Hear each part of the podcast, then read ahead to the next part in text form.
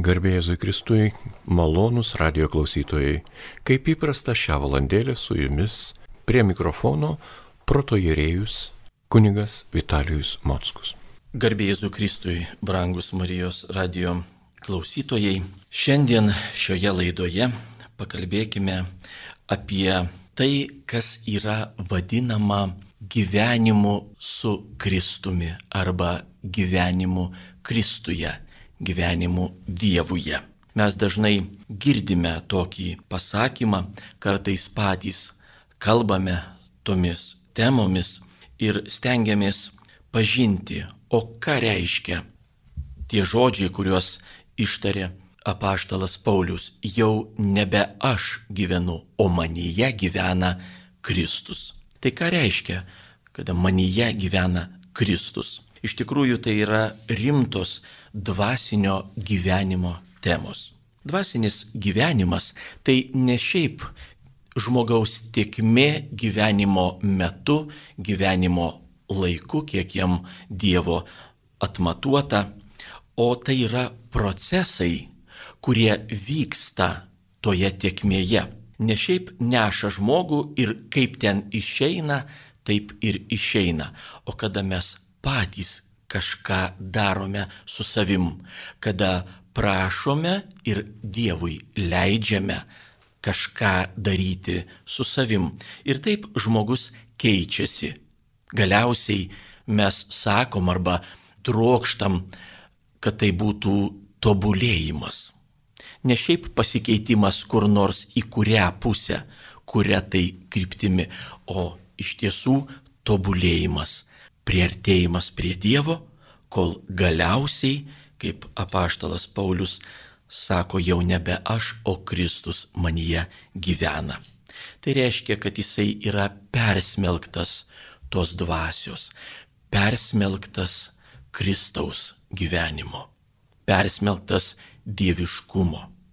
Taigi dvasinėme gyvenime yra trys kryptys. Arba trys lygiai.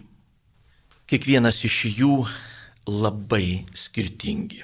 Jeigu mes nukreiptume į žmonės, į žmoniją, į visuomenę, šventųjų tėvų minties prožektorių, kaip jie mąstė, kaip jie galvojo, kaip jie skyrė tuos tris lygius arba tris kryptis, tai mes ir pamatytume tas tris kategorijas. Kodėl būtent šventųjų tėvų minties prožektorius?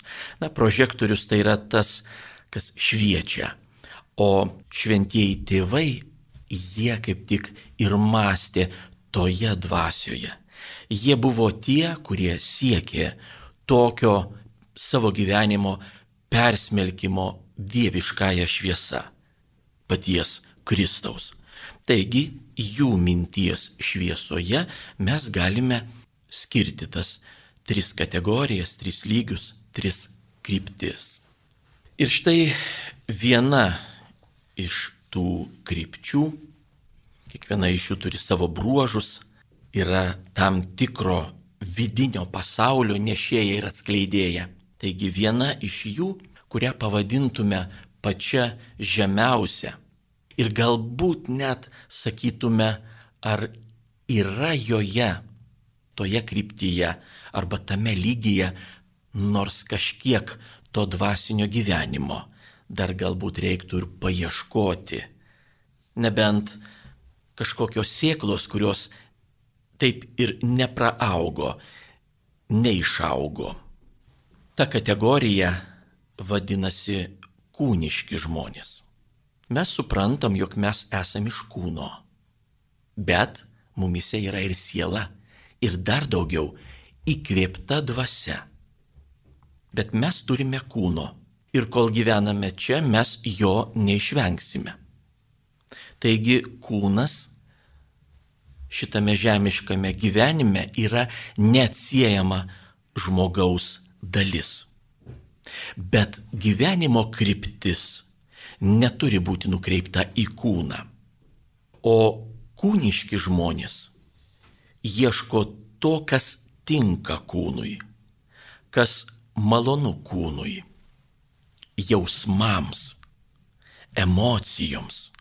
Tikslas viso to, ko žmogus siekia savo gyvenime, tai yra malonumai ir mėgavimasis. Šventas Niketas Stefatas sako, jie visada kovoja už regimą ir dulėjantį. Jie kovoja už turtą, šlovę, kūniškus malonumus ir mano, jog daug praranda to neturėdami. Taigi, kada kūniškas žmogus neturi to, ką galima būtų pačiupinėti, palaikyti, tai kas yra medžiagiška, tai ką mes apsikraunam aplink save, manydami, kad tie turtai ir atneša mums tikrąją gyvenimo prasme, laimę, kaipgi aš galiu būti laimingas mano kūniškas žmogus, kad aš neturiu nei namų, nei pinigų, nei ko kito, ką aš galėčiau iškeisti į tuos malonumus arba kas suteikia man tą malonumą būti vat, čia, kažką jausti, kažkuo pasinaudojus, vat, turėti tą kūnišką malonumą. Ir štai visas tokio žmogaus vidinis pasaulis juda prieš prigimti. Viso ko centre jis pats žmogus. Kodėl juda prieš prigimti? Kūnas mums duotas. Ir kaip yra jau sakyta, mes negalime jo išvengti. Bet kūnas yra tik tai įrankis. Jame atsiskleidžia visas žmogus bet kūnas neturi mūsų valdyti. Ir todėl tai, ką mes darom arba ko mes siekiam, norėdami kūną pamaloninti, bet daugiau nieko už to nėra, tai yra prieš mūsų prigimtį. Mes to nežinodami, nejausdami, kad maloninam tik tai kūną, nežinodami to, galvojam, kad siekiam kažko daugiau. Todėl ir sako, prieš prigimti. Siela dėl to kenčia ir žmogaus išganimas tampa, na, klaustuką galima padėti šalia. Nesiekim tik tai, kas kūniška. Taigi tokio žmogaus visada juntamas toks vidinis nepastovumas, minčių pakrikimas, nėra ramybės. Ji lik ir gali būti, štai malonu, aš dabar kažką turiu, kažkas aplink mane yra, kaip atsiminkim iš Naujojo testamento, turtuolis rudenį surinkęs į didžiulius aruodus savo turtą, kviečiai, gal kitkas, kas užaugo ir irgi atneša jam tuos turtus. Ir daugiau jisai nieko nemato. Ir lyg nusiramina. Va tokia apgaulinga ramybė. O dabar ilsėkis, valgyk, gerk, nes visko tu apšiai turi. Bet pasirodo to maža. Taigi, štai toks žmogus yra tik kūniškas žmogus. O kadangi vėl mes žiūrime į tai per šventųjų tėvų minties prizmę, jų šviesoje. Tai galime vėl pacituoti šventai Makarijų Egiptietį, kuris sako, kad kaip žolės ar medžių šakos linksta nuo stipraus vėjo, taip kūniškas žmogus, piktojo gundomas, linksta nuodėmių vėjo blaškomas. Nuo to dreba siela, pakrinka mintys ir protas. Ir štai tas kūniškumas, tai ką mes turim, pilnus aruodus, to derliaus, pasirodo, daugiau mums nieko neduoda. Lyg ir tokia ramybė, bet paskui pakrikusios mintys parodo mums ir protas, parodo, kad mes daugiau niekur nesiekiam. Vat to mums ir užtenka bet sielai to neužtenka. Kada taip pakrikusios mintys, kada žmogus neturi tos tikrosios ramybės, o jisai tik tai nusiramina matydamas, kad kažką ar manydamas, kad kažką turi esminio, vertingo. Suprantama ir nenostabu, kad žmogus netenka, kaip sako šventasis kalistas Ksanfopulas, netenka gebėjimo skirti dalykus ir reiškinius. Ką tai reiškia? O tai reiškia, kad jisai negeba atskirti, kas yra gera, kas yra bloga. Ir kas kart pasirinkti tai, kas gera ir teisinga, jis to negeba. Toks žmogus net ir Dievo žodį išgirdęs jį atmeta, nejočia. Palyginkime vėl, kaip žuvis, kuri kol vandenyje gyvena ir būna, viskas gerai jinai savo aplinkoj, jai viskas suprantama, pažįstama, o kada jinai išmesta iš vandens, iššokus iš vandens, jinai nebegali kvipuoti, jinai ne savo erdvėje yra.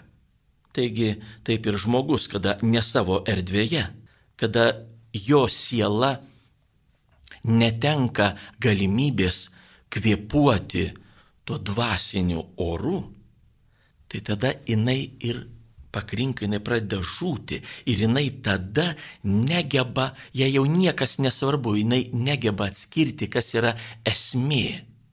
Dievo žodis turėtų būti krikščioniui svarbus, bet jam ne iki to.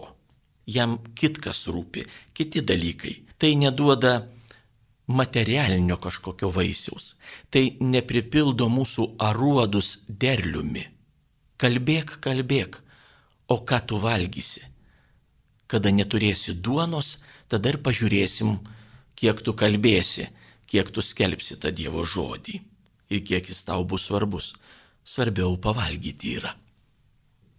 Taigi vėl materialiosios vertybės. Kūniškam žmogui tai yra vertybės, nekūniškam tai yra nevertybės, tai yra vėl įrankiai, už kuriuos dėkojame Dievui, bet kol dar kūne ir kūniški esam, tai mums tai yra vertybės.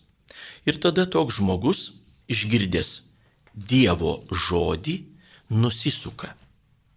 Kada išgirsta apie Dievą, jį net pykina, jam negera. Keista girdėti tokius žodžius, bet yra vat, tas kūniškas lygis, toks žmogaus lygis, kad atrodytų nuostabus, geri, išmintingi žodžiai, Dievo žodžiai. Dievo žodis nepaveikia jo, nes jisai neturi to tikslo. Jo tikslas yra kūnas. Pažiūrėkime į Naujojo testamento eilutes, pasakojimus ir atpažinkime iš ten esančių pavyzdžių, kokiegi ten yra kūniški žmonės.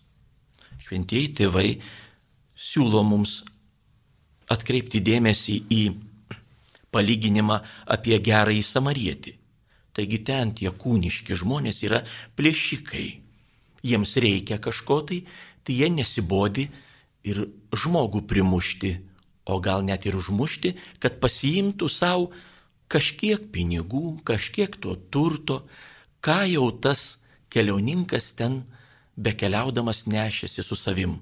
Na tikrai visam gyvenimui neužteks. Ir supranta tai tie plėšikai, bet vis tiek jiems negaila žmogaus, jie jį sumuša, leisgyvi palieka, pasiemė tai, kai jisai vežėsi. Praeis kiek tai laiko jiems ir vėl teks galvoti, kaip čia prasimanyti kokio tai turto didesnio ar mažesnio ir vėl grįž turbūt prie savo, taip vadinamo, kabutėse amato ir vėl ką nors reikia apiplėšti. Jie nežiūri, kad žmogus, žmogaus gyvybė yra daug, daug vertingesni, nepalyginamai vertingesni už tai, ką jie iš jo atėmė. Taip pat iš palyginimo apie turtuolį ir lozorių. Tas kūniškas žmogus yra turtuolis. Ir dar vienas palyginimas apie sūnų palaidūną. Tas kūniškas žmogus kūniško žmogaus lygis, kryptis yra pats sūnus palaidūnas tuo metu to palyginimo, to pasakojimo pradžioje. Jisai nori, kad tėvas jam atiduotų tai, kas jam priklauso arba priklausytų po jo mirties, po tėvo mirties ir jisai eitų savo, kad galėtų tuo turtu pasinaudoti, kad galėtų jausti malonumą, jį valdant, jį turint. Ir štai rezultatas viso to kūniškas žmogus. Tie žmonės, kaip sako šventieji tėvai, yra beširdžiai. Išskirtinis toks bruožas - beširdžiai. Jie giriasi, kaip rašo savo laiške apaštalas Jokūbas, giriasi iš savo pasipūtimo. Čia mano, aš turiu, man to gana daugiau man nieko nereikia, o jeigu ir reikia, tai dar daugiau tų turtų, tų, to materialiojo kažkokio tai dalyko, kas man atneš dar daugiau malonumų. O Dievas apie tokius žmonės sako, palikti be šventosios dvasios malonės. Mano dvasia nepasiliks amžinai žmoguje, nes jis yra kūnas. Jeigu žmogus turėdamas kūną kreiptų savo žvilgsnį ne į kūną, o aukštyn, tai tikrai Dievo dvasia pasiliktų jame. Bet kadangi jis yra kūnas, jo žvilgsnis, jo gyvenimas nukreiptas į kūną, tai Dievo dvasia ten negali būti. Kitas dvasinio gyvenimo lygis, kryptis yra tokie žmonės, kuriuos mes vadiname sielos žmonės. Sielos lygis. Visas jų gyvenimas sukasi apie prigimtį. Riba tarp blogio ir gėrio, neteisybės ir teisumo.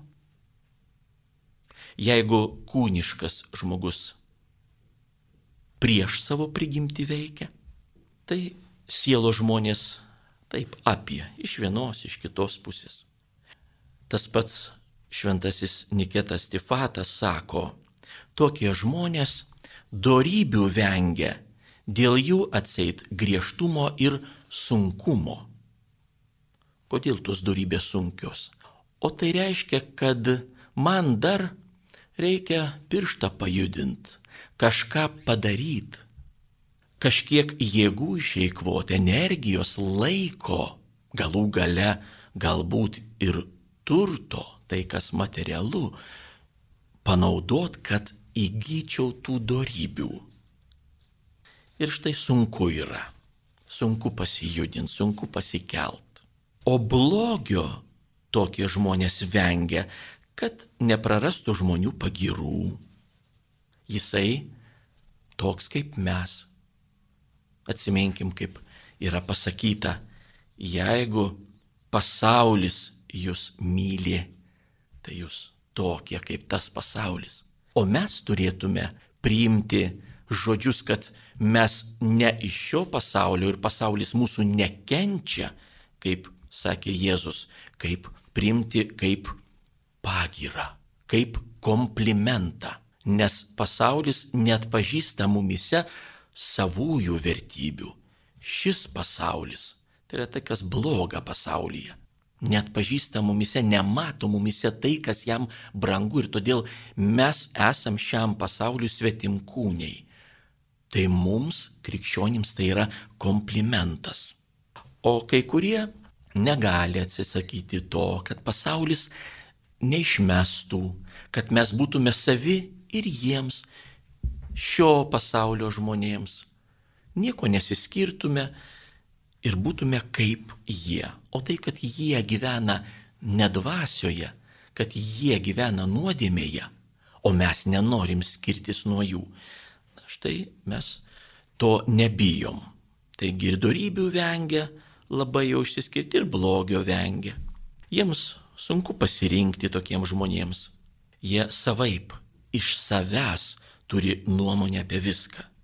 Jų gyvenimas, jeigu palyginti su e, kelioninku, lyg kelionė šviečiant mėnuliui ar žvaigždėms. Eina lyg ir mato kelią, supranta. Va čia dabar posūkis į kairę, čia į dešinę, aš žinau, kur eiti, bet tie žmonės dažnai tik tokioje mėnulio ar žvaigždžių šviesoje dažnai kliūna. Ir kliūna už negebėjimo skirti dalykus, skirti reiškinius. Klyzdami. Sielos žmogus neturi šventosios dvasios vaisių, dovanų. Todėl nėra dieviškoje nušviečiančioje šviesoje, atveriančioje protą suprasti Dievo žodį. Taip vėl įvardyja, apibūdina tokius žmonės šventasis Niketas Tifatas. Dievo šviesa nešviečia, jie nusisukia nuo to šviesos, jie jos nemato, jinai nenušviečia jų kelio ir jie negali suprasti Dievo žodžio.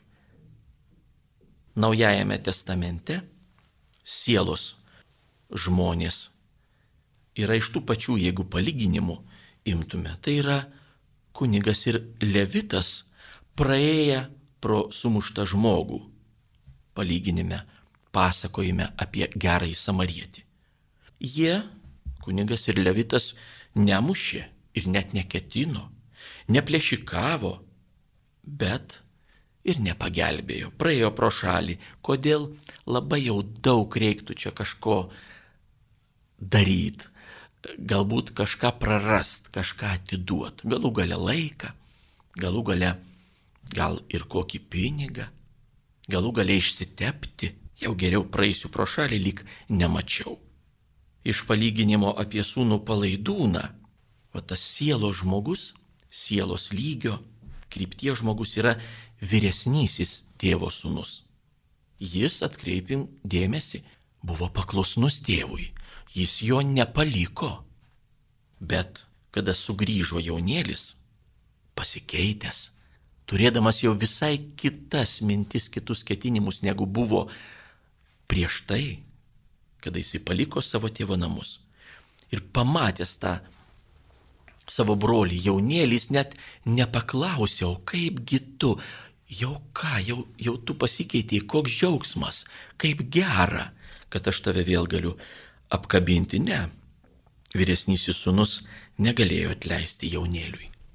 Todėl jei kūniški žmonės, kaip jau sakėm, yra beširdžiai, sielo žmonės kieta širdžiai, pasipūtę, neretai žiaurūs žmonės.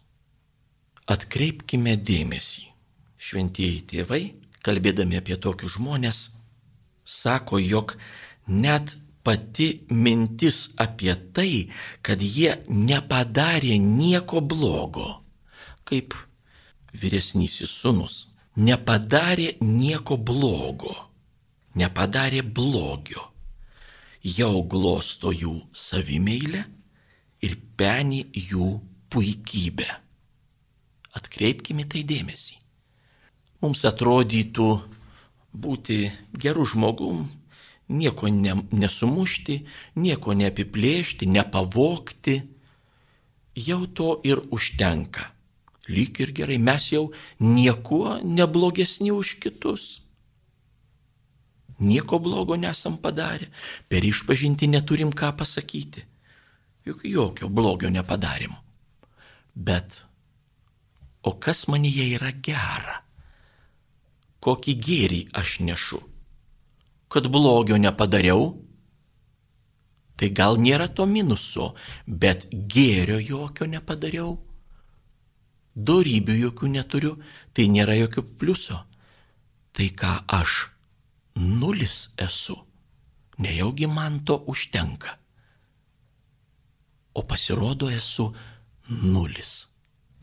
Bet tokio lygio, nulinio lygio, neužtenka žmonėms, kuriuos mes pavadintume dvasio žmonės, dvasiniai žmonės, dvasingi žmonės. Jų gyvenimo kryptis ne taip kaip kūniškų žmonių prieš prigimtį, sielo žmonių apie prigimtį, jų gyvenimo kryptis virš prigimties. Kodėl sakome virš prigimties?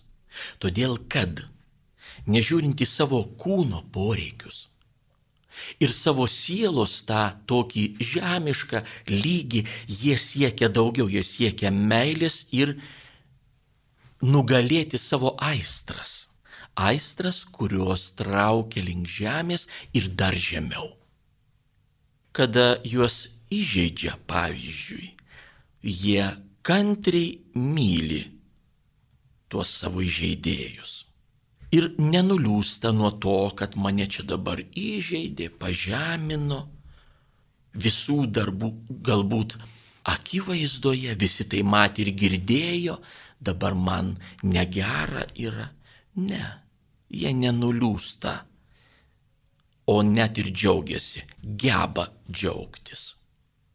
O toks elgesys kūniškam ir sielo žmogui, kaip nekeista atrodytų, tikrai nepriimtinas. Mažų mažiausiai įvardyja keistokas tas žmogus, o kartais prie smilkinių ir pirštų pasukioja. Netoks kaip mes, netoks kaip šis pasaulis. Jie dvasingi žmonės neapsiriboja tik nemailę blogiui, blogio atmetimu, neapsiriboja.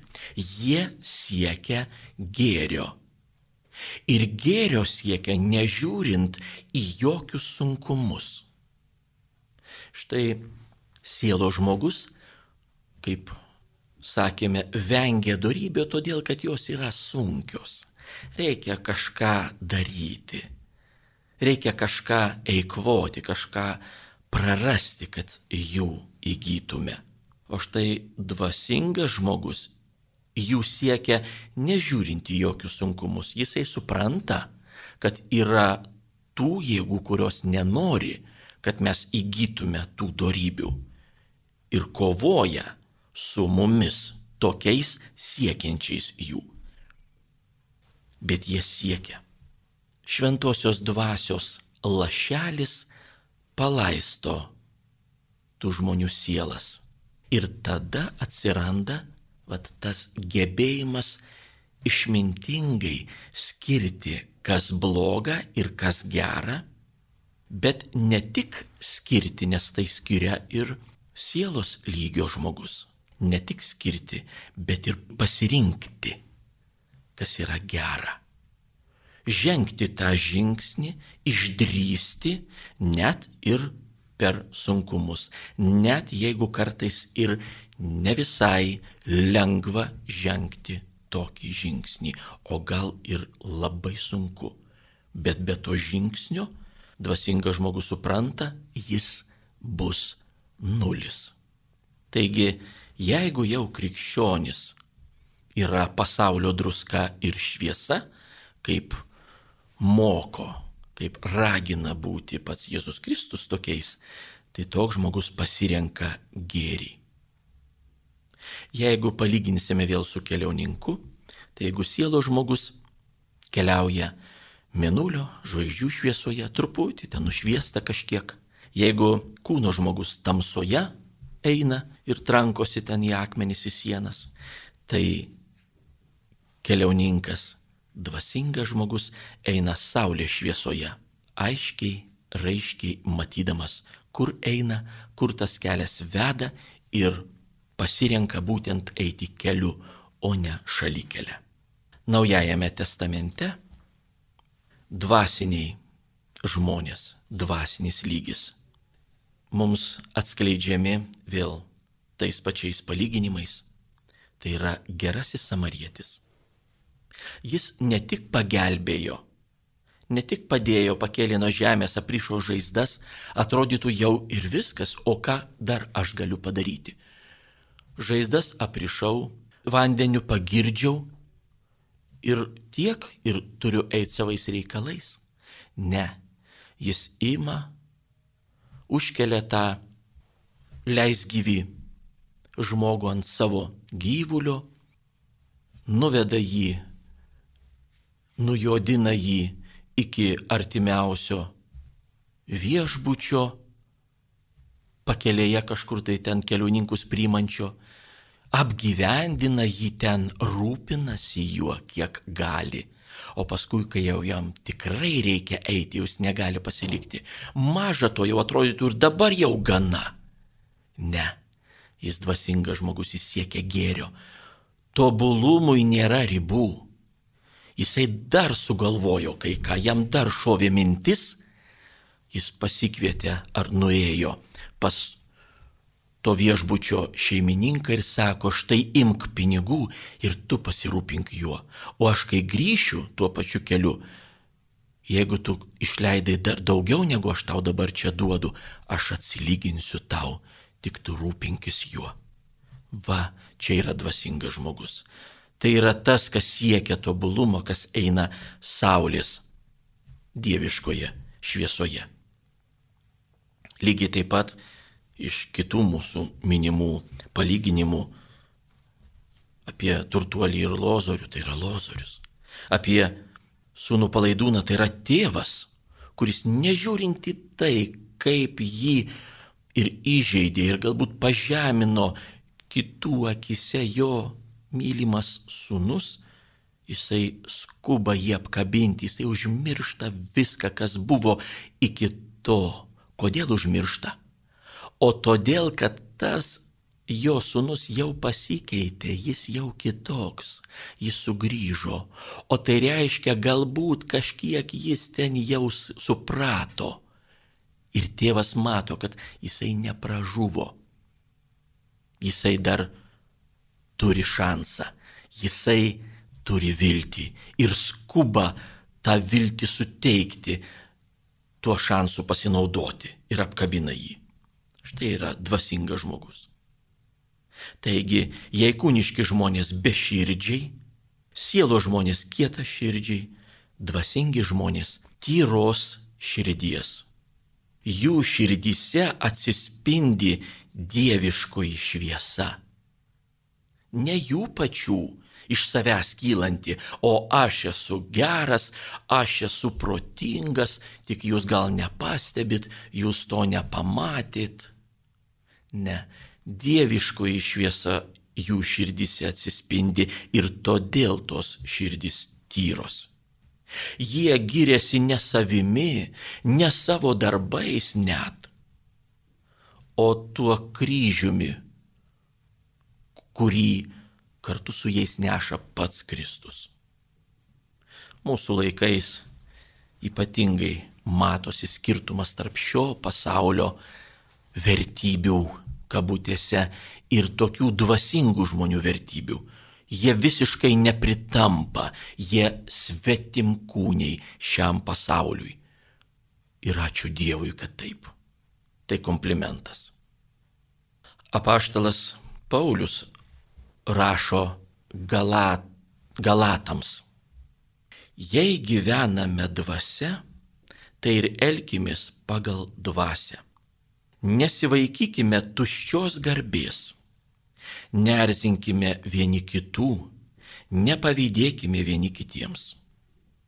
Atrodo tokie paprasti žodžiai, bet kokie sunkus pasakytų sielos žmogus, arba kokie neįmanomi pasakyti, pasakytų kūno žmogus. O štai apaštalas Paulius krikščionims patarė tuščios garbės nesivaikykime, jinai nereikalinga, jinai mus pražudo. Nerzinkime vieni kitų. Reiškia, aš turiu galvoti, o kaipgi elgtis taip, kaip būti su kitu žmogumi taip, kad jisai būtų laimingas šalia manęs, kad jam būtų gera ir man būtų gera. Nepavydėkime vieni kitiems, atrodo, nu kas čia tokio. Na, pagalvojau, ten tikrai tas pavydas kartais mus nuvėja pirmin, kad mes kažko tai siektume, bet tai pražudo vėl mūsų sielą. Nepavydėkime vieni kitiems, o tai ir yra gyvenimas dvasioje, tai yra gyvenimas Kristuje. Vėl tame pačiame laiške paštalas rašo, nešiokite vieni kitų naštas ir taip įvykdysite Kristaus įstatymą. Ne tik ten pagelbėk, ne tik pabūk, ne tik supras, nešiok jo naštą, savo artimo naštą. Reiškia, gyvenk aktyviai, o ne tik pasyviai iš tolo, pagraudensime, kaip jam negera, ajajai. Yra nuostabų žodžiai. Galima sakyti, toks priežodis patarlė. Bet kartu ir nurodanti kryptį. Žmogau, pasirink gyvenime, kas verta, o ne kas lengvai prieinama. Tada gausi ilgalaikę laimę, o ne trumpalaikį malonumą. Štai tokia gyvenimo kryptis. Taigi, šios trys kategorijos lygiai žmonės arba žmonių grupės skiriasi ne savo prigimtimi, o savo požiūriu į tą prigimtį, savo kryptimi. Kokie mes kūniški, o kad taip nebūtų. Gal mes sielo žmonės? Gal ir greičiausiai. Bet siekti turėtume, kad būtume dvasio žmonės. Ir stengiamės, siekime to. Su Dievo pagalba pats žmogus negali iškilti aukščiau savęs. Bet su Dievo pagalba prašant jo viešpatie, būk su manim, būk manyje ir aš pasikeisiu, nes aš noriu pasikeisti. Man neužtenka kūno, man neužtenka tik pavalgyti ir turėti kažką. Man neužtenka tik tai atpažinti gėrį ir blogį, o ten jau kaip išeis gyventi. Aš noriu gyventi tavo šviesoje ir įgyti tyrą širdį ir įgyti dvasios dovanų tam, kad tu man atskleistum save ir kad aš persikeiščiau. Nelikčiau toks, koks buvau vakar ar už vakar. Kūniškas ar tik sielos. Štai kokią užduotį mums užduoda šventieji tėvai, kurie savo gyvenimu, savo dvasinio gyvenimo patirtimi parodo, jog tai galima žmogui, tai pasiekiama žmogui su Dievo pagalba. Taigi užsibrieškime savo didesnius tikslus, negu būti arba likti tik geru žmogumi. Nes jeigu taip, tai mes, kaip sako šventieji tėvai, neturim taip minuso, bet neturim ir pliuso, nebūtume tik nulis. Ačiū uždėmesį, laidą baigėme. Iki kito susitikimo. Jūs girdėjote kunigą protojerėjų Vitalijų Mockų. Likite su Marijos radiju.